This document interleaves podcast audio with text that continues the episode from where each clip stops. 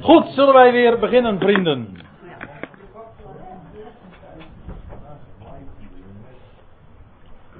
Ik zei dat het een zwaar gedeelte was, maar wat we tot dusver hebben behandeld valt eigenlijk nog wel uh, mee. Zwaar wordt het eigenlijk vanaf het vierde vers.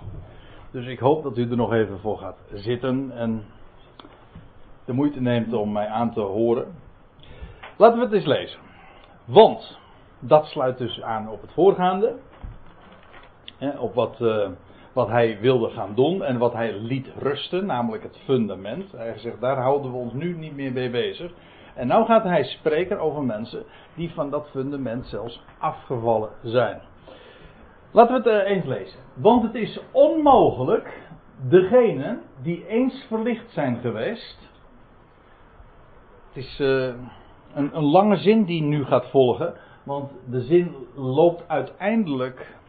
Uh, of wordt afgesloten aan het. Nou moet ik het even goed zeggen. Ik meen in vers.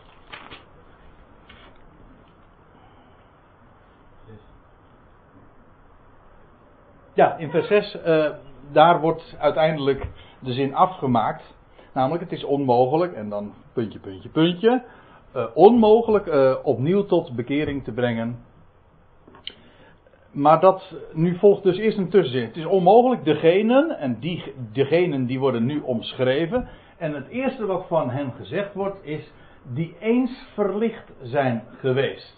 Dat wil zeggen, het licht, het woord, want dat is wat, waar het over gaat. Het licht heeft hen beschenen. Een bekende Bijbelse uitspraak. Een van de dingen die ik nu ook wil laten zien, is dat het hier gaat over mensen die weliswaar eh, veel uh, zegen hebben ondervonden, maar niet werkelijk in hun hart geraakt zijn door dat woord. Het licht, we zullen dat zien, maar laat ik, laten we eventjes deel voor deel dat uh, nader beschouwen, die eens verlicht zijn geweest. Dat wil zeggen, het licht heeft hen beschenen. En vervolgens wordt er gezegd, en van de hemelse gave genoten hebben. Of letterlijk staat er smakend. Dat wil zeggen geproefd. Dat is heel wat. Als je daarvan geproefd hebt. Maar proeven is wat anders dan gegeten hebben. Dat wil zeggen, dan, dan is het in je mond, weliswaar. Maar het, je slikt het niet door, je eet het niet op. Hier wordt gesproken over, ze hebben ervan geproefd. Van, hemel, van de hemelse gaven. Van een, van een hemels geschenk. Je kunt zeggen dat is eigenlijk een andere manier van zeggen dat het uh, over dat licht gaat. Het licht kwam van boven en hier gaat het over een hemels geschenk. Zodat je min of meer uh, een, een, een, patroon krijgt van parallelle zinnen. Waar, waarbij ik zeg, parallelle zinnen wil niet zeggen dat iedere keer hetzelfde gezegd wordt, maar wel alle zinsdelen lopen iedere keer parallel. Dus ze zijn verlicht, het licht scheen op hen. Ze hebben de hemelse gave, het hemelse geschenk geproefd. Het woord proeven komt trouwens nog een paar keer voor.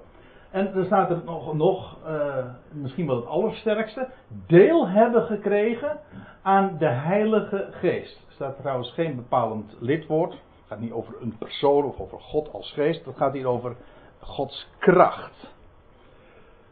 Uh, letterlijk staat er trouwens, deelhebbers worden van de Heilige Geest. Op een of andere wijze hebben zij, in de concurrent version wordt het vertaald met partakers of partners. Uh, deelhebbers van Heilige Geest. En wat betekent dat? Ik kan u daar, uh, daar zijn een paar hele, toch wel ook frappante voorbeelden van uit de Bijbel te geven. Uh, bijvoorbeeld iemand als Biliam. Ik geef expres deze voorbeelden omdat dat mensen zijn waarvan we weten dat zij geen gelovigen waren. Ze accepteerden niet Gods woord. Saul is daar ook een voorbeeld van, maar Biliam misschien nog wel het allersterkst. Maar dat neemt niet weg dat zij beiden wel degelijk ook deelhebbers waren van Gods geest. De geest, dat is heel interessant. De geest van God kwam over hen. Dat is een uitdrukking die we ook in het Nieuwe Testament tegenkomen. Pinkster, dat de geest Gods op of over iemand komt. Dat geeft eigenlijk al iets aan van de, de uitwendigheid. Als de geest Gods over je komt, zoals een regenbui over je heen komt. Trouwens, een beeld wat uh, in vers 7 nog uh, nader uitgewerkt wordt: uh, een regenbui. Maar hier ook, de geest Gods kwam over hen en daarmee hadden ze deel aan Gods geest. Het gaat hier niet over mensen die verzegeld zijn met Gods geest. Dat is ten ene onmogelijk. Waarom? Iemand die verzegeld is met Gods geest, dat is iets wat in je gebeurt. Paulus spreekt erover in Efeze 1 dat wanneer je gelooft in het evangelie, het woord der waarheid, en dan is het God die zijn zegel geeft van zijn geest. Ons verzegelt met zijn geest. Een zegel is een goddelijk keurmerk dat nooit meer ongedaan gemaakt kan worden. Het is zijn werk. Maar het gaat hier ook niet over uh, zijn geest in ons, waarmee we verzegeld worden. Het gaat hier over geest dat over iemand kan komen en de geest vaardig wordt over iemand. Ik zal u een paar voorbeelden geven. Nou, ik heb de naam al genoemd, maar over van Biliam lees je dit in nummer 24. Toen Biliam zijn ogen ophief, zag hij Israël naar zijn stammen gelegerd. En daar staat er, en de geest gods kwam over hem. Dus als een kracht werd dat ook uh, zichtbaar. Bij andere gelegenheden zie je dat duidelijker. Want, laat ik dan meteen maar daar naartoe gaan. 1 Samuel 10, vers 6, daar lees je. Dan zal de geest des Heren u aangrijpen en gij zult met hen in geestvervoering geraken. Gaat hier over Saul. Saul wordt hier aangesproken. Hele merkwaardige geschiedenis. Waaraan de bekende uitdrukking is ontleend. Is Saul soms ook onder de profeten? Hm? En als je die andere Benjamin niet uit de stam uh, uh, kent met dezelfde naam, dan zeg je jazeker. Die hoort wel onder de profeten. Nou ja. De geest des Heer greep aan, kwam over hem en toen was hij in geestvervoering. Wat er precies gebeurde, nou dat moet u in dat gedeelte maar eens nalezen. Maar in ieder geval was, was zichtbaar. Hè? De geest Gods komt over iemand. In, op de Pinksterdag was het ook zo duidelijk. Tongen als van vuur, lees je. Uh, zichtbare manifestaties. Is dat een garantie dat het een gelovige betreft? Nee, niet per se. Uiteraard ook niet het omgekeerde, maar het wil gewoon zeggen dat Gods geest vaardig over iemand wordt. Je leest het van David. Maar het kan dus ook wel degelijk een ongelovige betreffen. Dat is mijn punt. Je kunt deel hebben aan Gods geest zonder werkelijk een gelovige te zijn. Je zou meer voorbeelden kunnen geven, maar ik laat het hier maar eventjes bij. En dan wordt er nog iets gezegd. En het goede woord Gods gesmaakt hebben. Er wordt hier nog iets bij gezegd, maar dan, eerst even dit. Hier trouwens weer dat woord smaken. Ze hebben uh, de, het woord van God, of de uitspraken van God, dat is eigenlijk wat het woord betekent, uh, ook weer gesmaakt, in de mond gehad, geproefd, ervan geproefd. Geproefd dat het goed woord is, en dat niet alleen, maar er staat nog iets bij. Zij hebben ook de krachten van de toekomende eeuw gesmaakt. Dus ze hebben, wat hadden ze nog meer gesmaakt? Uh, het eerste wat we lazen. Hmm. Oh ja, de hemelse gaven gesmaakt, dat was het ja. Ze hadden de hemelse gaven gesmaakt, je leest hier het goede woord smaakten ze. En ook de krachten van de toekomende eeuw smaakten ze, proefden ze. Dat zijn geweldige voorrechten die hen ten deel waren gevallen. En die worden hier ook beschreven. De, trouwens, even twee opmerkingen. In de eerste plaats over eh, dat woord wat, waar we het voor de pauze ook al even kort over hadden. Over dat woordje eeuw. we zagen het in de bijvoeglijke vorm uh, over eeuwig oordeel. Dat wil zeggen een oordeel in verband met de eeuw. Hier wordt ook gesproken over de eeuw. Ook, gewoon datzelfde woord. Aion. Alleen vertaalt men het hier weer niet met eeuwigheid. Kan ook niet. Het is gewoon eeuw. Dat is de betekenis. Dat is het eerste. Het tweede is dat uh, hier gesproken wordt over de krachten van de toekomende eeuw. Een boeiende term. Vaak wordt het uh, in één adem genoemd met tekenen en wonderen. Handelingen 2 lees je over krachten, tekenen en wonderen. Krachten, namelijk tekenen en wonderen. Of, ja, in de Thessalonicense brief, het wordt heel vaak eh, zo in één adem genoemd.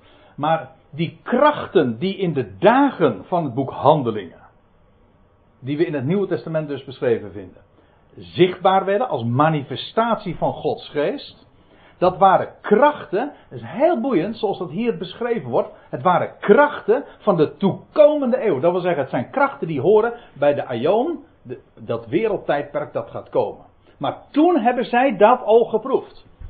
Waar, waren bewijzen ook van wie de Messias was. En het getuigenis van de Messias, Christus, heeft uh, het getuigenis van de apostelen ook bevestigd middels krachten. Manifestaties die onmiskenbaar van God waren. En misschien is dat ook wel uh, het meest karakteristiek, het meest opvallende van wat we lezen in het Nieuwe Testament, zoals het allemaal beschreven wordt. Zulke zichtbare manifestaties. En het laat zich denken dat dat ook enorm geïmponeerd heeft. Velen zijn daardoor ook tot geloof gekomen. Denk eventjes aan die uitroep, eh, die aanhalingstekens. Je leest dat in, eh, dat is heel verleidelijk. Je leest, je vindt dat in met name het Johannes-evangelie heel dikwijls uh, aangetoond of beschreven. Maar één voorbeeld. Dan staat er in Johannes 2, vers 23. En terwijl hij te Jeruzalem was, op het paasfeest, geloofden velen onder de Hebreeën, onder de Joden, geloofden velen in zijn naam. Waarom? Dat ze onder de indruk waren van zijn woord? Nee. Doordat zij zijn tekenen zagen die hij deed. Daarom. Ik heb op categorisatie vroeger geleerd, dat was een wondergeloof. En daar waren velen. Moet je voorstellen wat voor een enorm unieke tijd dat geweest is. Niet alleen in de dagen van de omwandeling van de Heer Jezus op aarde, maar ook de tijd daarna, de handelingentijd. Een, een explosie van krachten die eigenlijk horen bij de toekomende Aion. Dat wil zeggen, de, straks als de Messias zal terugkeren, zal opnieuw dat weer aanbreken. Geweldige, zichtbare, krachtige manifestaties. Maar die horen eigenlijk bij die Aion.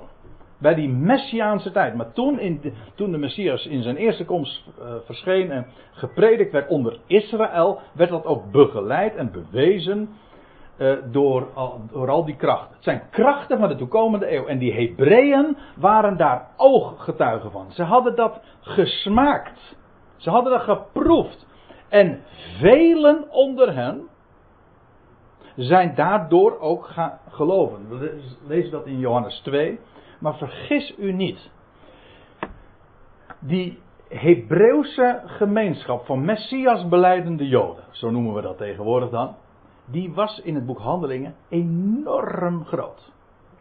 Ik ga, hoop daar volgende week zondag in Soetermeer wat meer over te vertellen, omdat het dan gaat over Handelingen 21. Maar daar lees je dat Paulus in Jeruzalem arriveert en dan een ontmoeting heeft met Jacobus. En dan zegt Jacobus, gij ziet broeder, hoeveel onder de Joden uh, gelovig zijn geworden. En dan, staat er, en, dan, dan, wordt, dan gebruikte hij het, uh, het woord, het, het, het, Griekse woord myriaden. En dat betekent uh, letterlijk tienduizenden. Tienduizenden Joden die gelovig waren. En dan zegt hij erbij, en allen zijn zij ijveraars van de wet. Dat wil zeggen, waren allemaal orthodoxe Joden, dat wil zeggen orthopraxe Joden, die de Sabbat en de besnijderis, et cetera, allemaal onderhielden, naar de tempel gingen. Zo groot was die Hebreeuwse gemeenschap van Messias beleidende Joden. Dat was in de dagen van het boek Handelingen. Dus die is enorm groot. Je leest in Handelingen 2 dat Petrus een toespraak houdt. 3000 mannen, die, mensen die op die dag tot bekering komen. Later lees je het getal 5000. Handelingen 21, tienduizenden. Tienduizenden, dat is gigantisch. Kijk, als je zegt de Joodse natie heeft, hem, uh, heeft de Messias, ook het getuigenis van de opgestaande Messias afgewezen, dat klopt. Maar dan praat je niet over aantallen, dan praat je over dat wat het volk officieel heeft gedaan. Dat wil zeggen van regeringswegen. Het, was, het waren de leiders van het volk, dat wil zeggen het Sanhedrin, heeft officieel afstand gedaan. Dat wil zeggen, Israël als natie op nationaal niveau heeft het getuigenis afgewezen. Je ziet dat heel duidelijk in, in Handelingen 7 als Stefanus gestenigd wordt. Het Sanhedrin doet dat. Illegaal, maar dat is even nu niet aan de orde. Maar ze deden het dan toch maar. Als Sanhedrin, als leiders van het volk, als de, eh, de Joodse natie heeft dat daarmee afgewezen. Dat is trouwens ook de introductie van Paulus. Hè? Dat is de eerste keer dat de naam Saulus genoemd wordt. Dat is de jasbeschermer, zeg ik altijd. Dat is degene die de, de mantels uh, bewaarde. Maar goed, even terug naar, naar uh, waar we het over hadden. Het gaat hier over mensen, over die Hebreeën, over die uh, Hebreeën die geloofden in de Messias en die zoveel dingen geproefd en gesmaakt hadden. En nou, wel, die groep wordt omschreven en dan gaat de schrijver verder. En daarna afgevallen zijn. Nee, het gaat hier niet over gewichten. Zo. Want dat, kan, dat is heel onschuldig. Hè? Nee, afgevallen betekent het woord uh, ernaast gevallen zijn. Dat is eigenlijk het woord wat het gebruikt, para. Hè? Ernaast vallen. Er van dat getuigen, van dat fundament afgevallen zijn. Feitelijk is het ook door de mand vallen.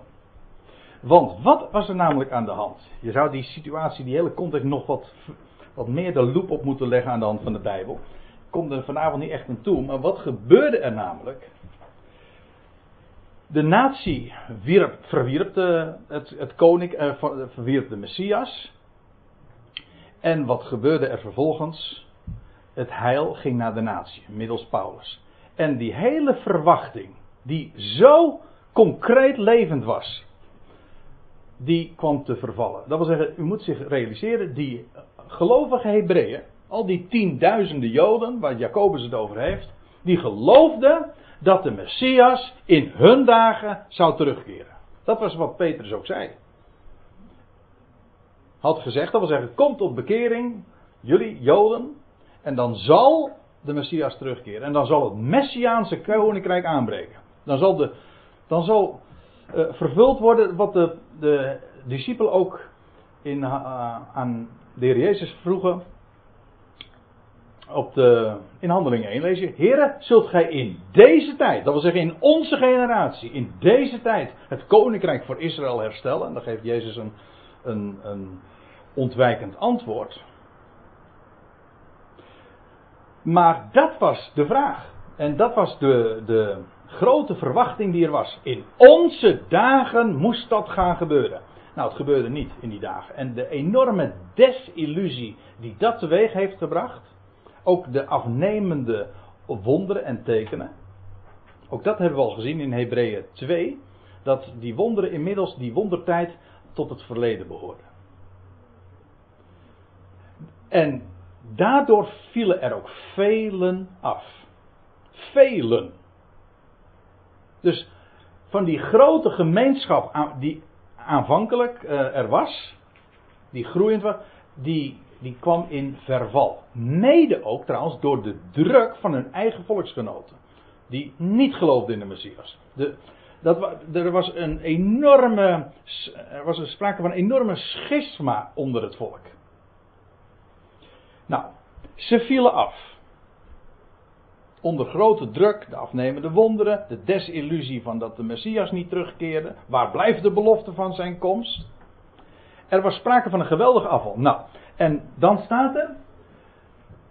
Het is onmogelijk, die mensen die inmiddels dus beschreven zijn en daarna afgevallen zijn, en dan vervolgens weder opnieuw tot bekering te brengen.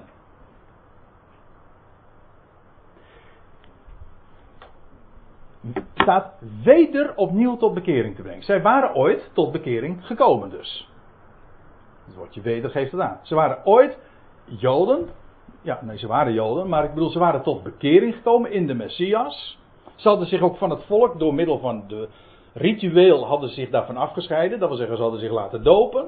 Daarmee afgereinigd van de misdaad die de Joodse natie de Messias had aangedaan. Ze hadden hem gekruisigd. Ze, Ze waren tot bekering gekomen en nu vielen ze af. Nu keren zij weer terug naar het Jodendom.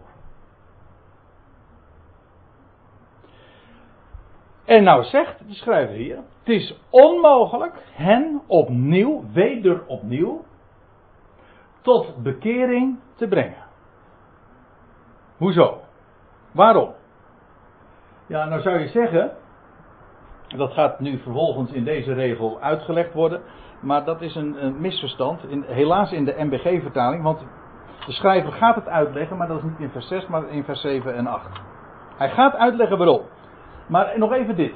Uh, daar zij, wat hen betreft, dat suggereert dat, dat het een antwoord zou zijn. Een, dat noemen ze een redengevend voegwoord. Want, of omdat, of daar. Maar dat is het niet, dat, dat ontbreekt. Dit laatste deel, dat beschrijft die afval. Kijk, daar zij, wat hen betreft. Oei, dat moet ik nog iets uh, zeggen. Daar zij, wat hen betreft, of letterlijk voor zichzelf. In de Statenvertaling staat inderdaad voor zichzelf.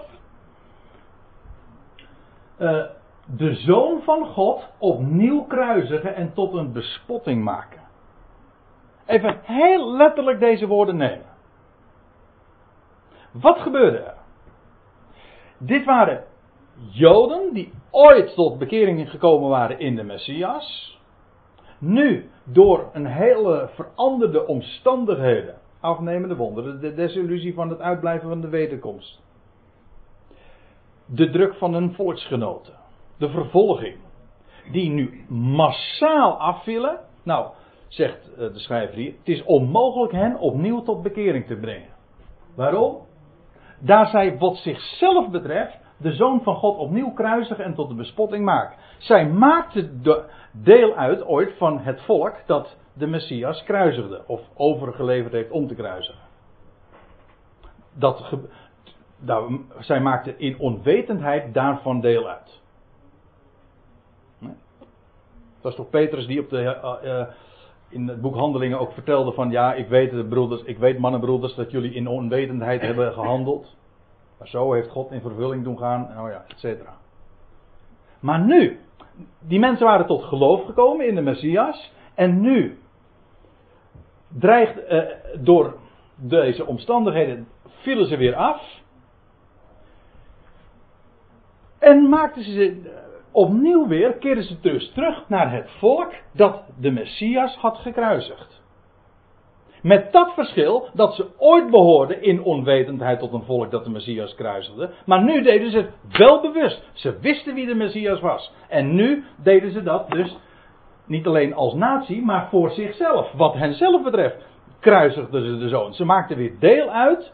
Ze ging, keerden wel bewust terug naar het volk dat de Messias kruisigde. Voor zichzelf kruisigde ze daarmee de Messias. Of zoals hier staat, de zoon van God.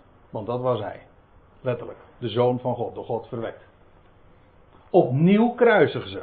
Ooit was hij gekruisigd, maar door nu terug te keren naar het Jodendom en afstand te nemen van de Messias, kruisigden ze hem opnieuw. En maakten ze hem tot een bespotting. Openlijk ten schande. Later in de Hebreeënbrief, in hoofdstuk 10, daar lees je uh, iets soortgelijks, want dat, dat geeft trouwens ook wel aan wat er gebeurde. Er was sprake van een enorme vervolging, ook lees, dat lees je ook in hoofdstuk 10. als je de brief gewoon nauwgezet leest, krijg je een behoorlijk inkijkje in wat de situatie was van die Hebreeën. Er was sprake van een grote vervolging. Ze stonden onder druk. Ze zouden de zoon van God weer opnieuw moeten, uh, moeten kruisigen. En maar we moeten lezen wat er staat in uh, vers 29. De zoon van God met voeten heeft getreden. Dat, en het bloed van het verbond waardoor hij geheiligd was, onrein geacht en de geest van de genade gesmaad heeft. Zo'n terugkeer in het Jodendom vond plaats onder druk en zij moesten daarbij ook letterlijk, er zijn ook getuigenverklaringen van wat er gebeurde, de, als beschrijving van, de, van wat er uh, in die dagen plaatsvond, dat zij dus echt, dus moesten spugen op de naam van Jezus.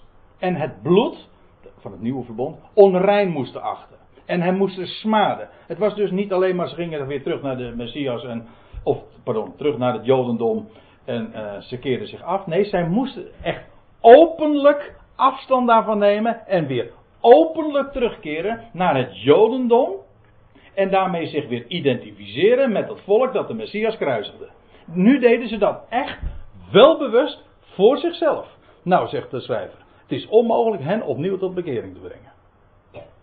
Want wat, moet je, wat, wat zou je hen moeten vertellen? De Messias? Maar die kenden ze. Daar hadden ze juist uitdrukkelijk heel welbewust afstand van genomen. Wat, hoe zouden zij ooit nog tot bekering te brengen zijn? En nou komt er nog iets. Want hij geeft nu een beeldspraak in vers 7. En nu volgt wel echt een, een, eh, een, een redengevend voegwoord. Hij gaat nu echt ook beschrijven en ook beantwoorden waarom. Want de grond die de regen, welke er telkens opvalt, indringt, gewas voortbrengt, geschikt uh, voor hen en, uh, en ter wille van wie hij ook bewerkt wordt, die ontvangt zegen van God. Nou, dat is een simpele beeldspraak. Je hebt de grond, je hebt aarde die bewerkt is, en de regen valt neer, dat is een beeld van de zegen. Dat zie je ook hier heel duidelijk. De zegen komt van, van boven, nietwaar? En vervolgens, als dat in goede aarde valt, dat is weer een andere beeldspraak trouwens, die je ook in de, de gelijkenissen vindt. Een deel valt in goede aarde. Wel, wat gebrengt het dan voort? Uh, als de aarde dat dan indringt, wel gewas die geschikt is voor degene uh, voor, wie het ook uh, bestemd is en voor, voor wie het ook bewerkt wordt. Wel, als dat in goede aarde valt, dan ontvangt het zegen van God. Als al die hemelse gaven, het woord van God, als dat allemaal in goede aarde zou vallen, wat gebeurt er dan? Dan wordt dat ontvangen en dan draagt dat vrucht. Zegen. Het ontvangt, of eigenlijk het heeft deel aan de zegen van God. Hier heb je weer hetzelfde woord, partner. Deelhebbend aan de zegen van God. Maar, staat er. Als hij doornen en distelen draagt, is die ondeugdelijk.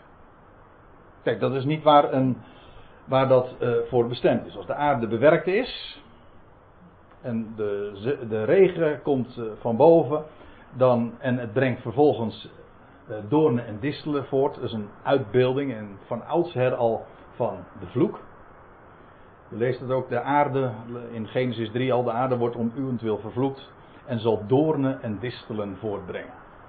Dat is niet zo moeilijk. Maar dat betekent dus dat die aarde geen goede aarde is.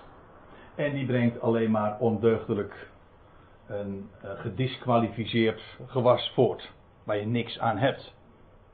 Sterker nog, het is niet alleen waar je niks aan hebt. Het is niet alleen maar waardeloos, het is erger dan waardeloos. Het is zelfs schadelijk voor dat wat wel goed is. Dat is wat onkruid toch doet. Onkruid is niet alleen maar waardeloos, maar onkruid verstikt bovendien ook nog eens een keertje. Of is, is nadelig voor het gewas dat wel goed is. Het is dus met recht in alle opzichten ondeugdelijk. En dan staat erbij, het is, dan, het is niet ver van de vervloeking die uitloopt op de verbranding. En nu is, uh, raken beeldspraak en de realiteit, waar de schrijver het hier over heeft, raken elkaar. Want hij gebruikte dat beeld van de aarde, die, waar de regen opvalt, maar aan de ene kant uh, zegen, dat was een geschikt gewas voortbrengt, maar als het geen goede aarde is, brengt het alleen maar doornen en distelen en ondeugdelijke dingen voort.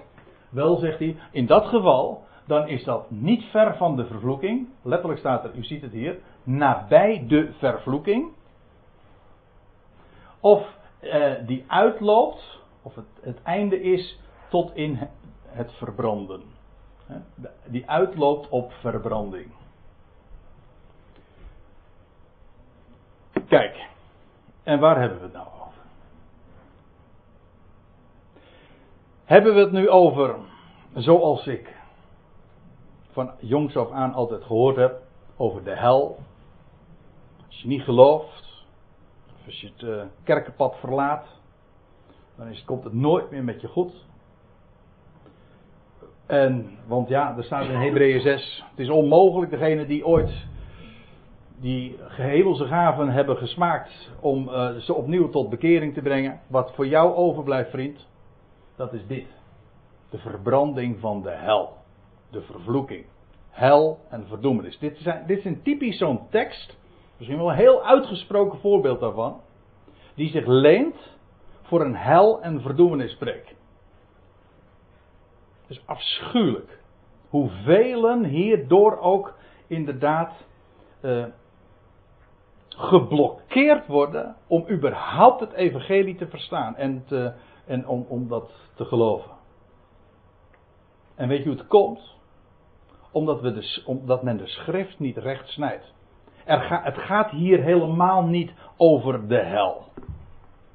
Het gaat hier over een heel specifiek, concreet, historische situatie van die Hebreeuwse christenheid, zeg maar, van die, al die Messias beleidende Joden, die 10.000, die massaal het geloof in hun Messias hebben vaarwel gezegd. Ze waren tot geloof gekomen, tussen aanhalingstekens. Niet echt, niet in hun hart, maar ze waren meegenomen door, door al die wondertekenen. En nu door de desillusie, door de vervolging, vielen ze af. Eigenlijk gewoon door de mand. Het zat er helemaal niet hier. Men was schijngelovig. Nou zegt, nou zegt de schrijver. Daarmee bewijst het eigenlijk gewoon, het is allemaal doorn en distelen. Het stelt niks voor.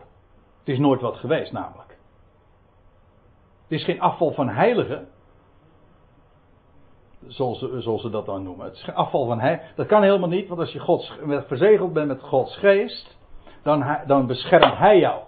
Maar dit is een, een afval van onheiligen. Eigenlijk, zelfs dat is niet eens goed gezegd. Want wat hier gebeurt is, men valt door de mand. En al die, die tienduizenden Joden, of allemaal, in ieder geval een groot gedeelte van hen, die zo uh, het geloof in de Messias hebben verworpen en de Zoon van God voor zichzelf opnieuw kruisigden door weer terug te keren in het Jodendom. Wel, daarvan zegt de schrijver hier, het is nabij de vervloeking en het loopt uit op de verbranding. En dat is, daar is geen woord Spaans bij. Het is concreet. Het gaat niet over een hel, dat kent de Bijbel niet eens. De Bijbel spreekt ook niet over de hel, maar over Gehenna. Dat is een, een dal in Jeruzalem. En bovendien, en hier, als gaat, hier gaat over de, de verbranding, gaat het over een letterlijke verbranding. Wat er zou plaatsvinden is, deze brief is gericht aan Hebreeën en de stad zou binnen een paar jaar, binnen een paar maanden, daar blijf ik vanaf, binnen afzienbare tijd Binnen korte, korte tijd. Dat is een ander woord in de Hebreeënbrief. Hebreeën 8 zegt. Uh, wat verouderd is, uh, is uh, nabij de verdwijning. Het laatste vers van Hebreeën 8. Nabij de verdwijning. Iedere keer weer in deze brief wordt er gezegd. Dat drama is aanstaande. En de stad is verwoest. De tempel is in de brand gevlogen. En wel, eh, kijk het maar eens een keertje na. Ehm, hoe dat toen gegaan is. Er heeft een slachting plaatsgevonden. Waar die ongekend is. Honderdduizenden Joden. Flavius Josephus heeft het in zijn boeken. Dat was een tijdgenoot van, uh, nou, van die Hebreeën. Die, die heeft dat van nabij gezien en allemaal beschreven. En uh, ja, er zijn een heel aantal dikke boeken daarover. Dus we weten daar heel veel van. Gewoon uit historische documenten is dat bevestigd. Honderdduizenden Joden zijn toen afgeslacht. En de stad is verbrand. Als hier gesproken wordt over verbranding, gaat het niet over een hel. Die, waar je eindeloos door God gefolterd wordt. Dat is ook weer een. Ja, sorry, ik vind het een diabolische verdraaiing. Het heeft te maken met een historische context. Het gaat over Hebreeën, over het jaar 70 wat er toen gebeurde. En dat is vreselijk geweest. Je leest in het plaats komt het, zie je misschien niet helemaal goed. Maar dan zie je ook dat de, degenen die nog overgebleven zijn, die vluchten uit de stad. Terwijl ze de stad brandend achterlaten. En zoveel, nou ik noemde het getal al, zijn inderdaad over de kling afgeslacht. Vreselijke dingen. Wel, dat gebeurde er. En de schrijver die wijst er ook op van, ja, nou ja, we zien dat uh, we zullen dat pas veel later ook zien, maar ik heb er al een keertje aan gerefereerd. Uh, maak dat je wegkomt. Ga buiten de legerplaats. Dat hebben ook vele gelovigen. hebben dat gedaan. Die zijn de stad ontvlucht en zijn naar Pella gegaan, over Jordaanse. En daar, zij wisten, op grond van wat er ook uh, al in de Evangelie stond geschreven, we moeten de stad verlaten. De schrijver Sint speelt daar ook op, hier van de Hebreeënbrief. Als ze dan geen gehoor zouden geven, dan zou dit hun lot zijn. Hel? Absoluut niet. Daar gaat het hier niet over. Het zijn historische woorden die gesproken worden tot Israël, gaan over Jeruzalem, over het jaar 70 en alles wat daarmee samenhangt. Dus dat is een heel ander verhaal. Ik, uh, ik kan dat niet genoeg benadrukken. En ja, dit is nou zo'n uh, zo'n voorbeeld uh, van hoe, hoe de Bijbel ook ja, verdraaid is, waardoor mensen uh, het zicht ontnomen wordt over wat, wat God voornemens is met deze wereld. En dan worden, wordt zo'n tekst eruit gerukt, helemaal buiten het verband van de Hebreeën geplaatst, dat men al vaak al niet eens kent, en wordt zomaar toegepast op evangelieprediking aan de natieën. En dan denk ik, dat is, dat is vreselijk. En daarom, ik zei zo min of meer cynisch en eh, een beetje satirisch, satire klonk door in mijn stem. Toen ik zo dit voorgelezen had, ze zeggen, nou tot zover het goede bericht. Dit is geen goed bericht. Dat is absoluut, dat is waar. Maar het goede bericht, zoals uh, Paulus dat vertelt, over, over God die de redder is van alle mensen, dat staat als een huis. Dat weerspreekt dit ook niet. Dat dit lot inderdaad die Hebreeuwse afvallers, zeg maar, is overkomen, dat weerspreekt niet de waarheid dat Gods genade reddend is verschenen aan alle mensen. Daadwerkelijk. Dat staat als een huis, want God laat nooit varen. Ook niet eh, de werken van zijn handen die toen dit is overkomen. Want Gods oordelen zijn daar. Zijn gerichten, die hebben hem getroffen. Maar nog eh, één woord, tenslotte. Want Paulus, eh, of de schrijver, eh, zegt, spreekt hier over vervloeking. Weet u wat ook een vloek is? Nou ga, ik, nou even naar de brieven van Paulus. De gelaten, de gelaten brief. En waar Paulus zo enorm furieus wordt, voor wordt. Als gelaten 1, als daar een evangelie gebracht wordt aan de natieën, de gelaten, dat niet voor hen bestemd is. En woorden worden toegepast op hen die niet voor hen bedoeld zijn. En dan zegt hij dat is een heteros-evangelie. Dat is een, dat is een uh, hoe noem je dat? Een nep-evangelie. Dat is geen evangelie. En daar spreekt Paulus zijn anathema over uit. Dat is buitengewoon ernstig. Want wat verteld zou worden, en daar zou niet van afgeweken worden, namelijk een boodschap te prediken van evangelie, zoals de genade Gods. Dat zou verteld worden. En op het moment dat je daarvan afwijkt, en dat is wat allerwege in de christenheid ook is gebeurd, daarvan zegt Paulus dat is een prediking die onder een vloek is. Waarom? Omdat daar in de zegen ontbreekt. Want dat is wat vloek eigenlijk is. Duisternis is dat waar licht ontbreekt. Dood is waar leven ontbreekt. En vloek is waar zegen ontbreekt.